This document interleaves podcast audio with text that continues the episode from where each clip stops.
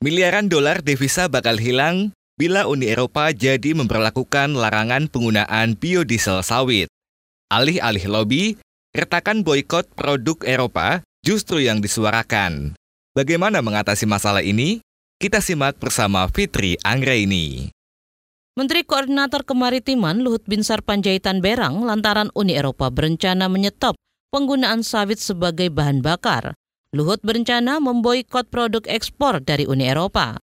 Rencana penghentian penggunaan sawit untuk bahan bakar itu disepakati Parlemen Uni Eropa pada tahun lalu.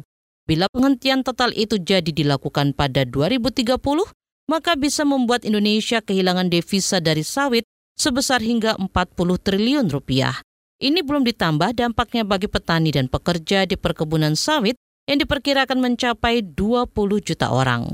Itu sebab Wakil Presiden Yusuf Kala mendukung wacana untuk memboikot balik produk ekspor dari Eropa.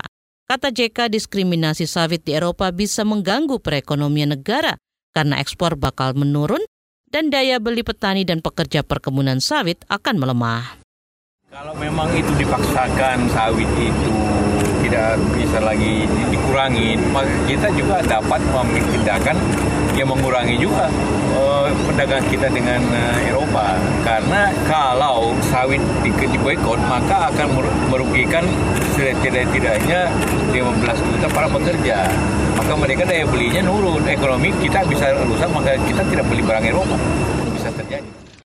JK mengatakan diskriminasi kelapa sawit bakal berdampak besar pada perekonomian negara-negara produsen komoditas tersebut, termasuk Indonesia. Kata JK, petani dan pekerja perkebunan akan menjadi kelompok yang paling terdampak akibat diskriminasi tersebut. Sebelumnya, Duta Besar Uni Eropa untuk Indonesia dan Brunei Darussalam, Vincent Juran, meminta Indonesia tak melakukan aksi boykot. Dia menyarankan pemerintah mengadu ke Organisasi Perdagangan Dunia WTO bila Uni Eropa melarang minyak sawit dan turunannya masuk ke wilayah tersebut. Menurut Vincent, tindakan balas dengan boykot hanya merugikan kedua pihak. Kata dia, langkah mengadu ke WTO layak ditempuh bila menolak kebijakan Uni Eropa.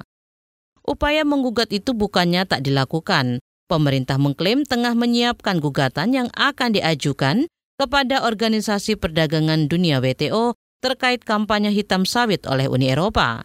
Deputi Bidang Koordinasi Pangan dan Pertanian Kementerian Koordinator Bidang Perekonomian Musdalifah Mahmud mengatakan kampanye hitam tersebut merupakan diskriminasi terhadap industri kelapa sawit tanah air yang merupakan sumber kehidupan ekonomi rakyat Indonesia karena mereka tidak perhatikan lagi bagaimana pencapaian Sustainable Development Goal yang menjadi acuan global untuk melihat sustainability dari suatu sumber ekonomi itu tidak diperhatikan lagi. Dengan kelapa sawit kita bisa melakukan penurunan kemiskinan yang cukup signifikan kelapa sawit sebagai sumber kehidupan dari banyak sekali petani atau banyak sekali masyarakat secara keseluruhan tidak kurang dari 20 juta rakyat yang berkaitan langsung dan tidak langsung dengan kelapa sawit. Jadi pemerintah menjaga sumber kehidupan rakyat itu.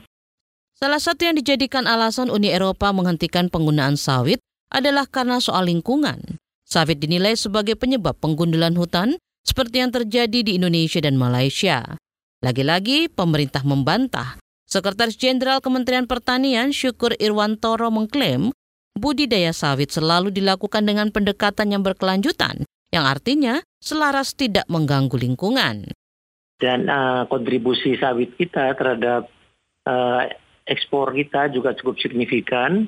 Yang lebih penting lagi bahwa sawit itu uh, melibatkan banyak orang, terutama para para masyarakat di pedesaan, baik yang terlibat langsung dengan budidaya sawit maupun yang tidak langsung gitu kan ininya.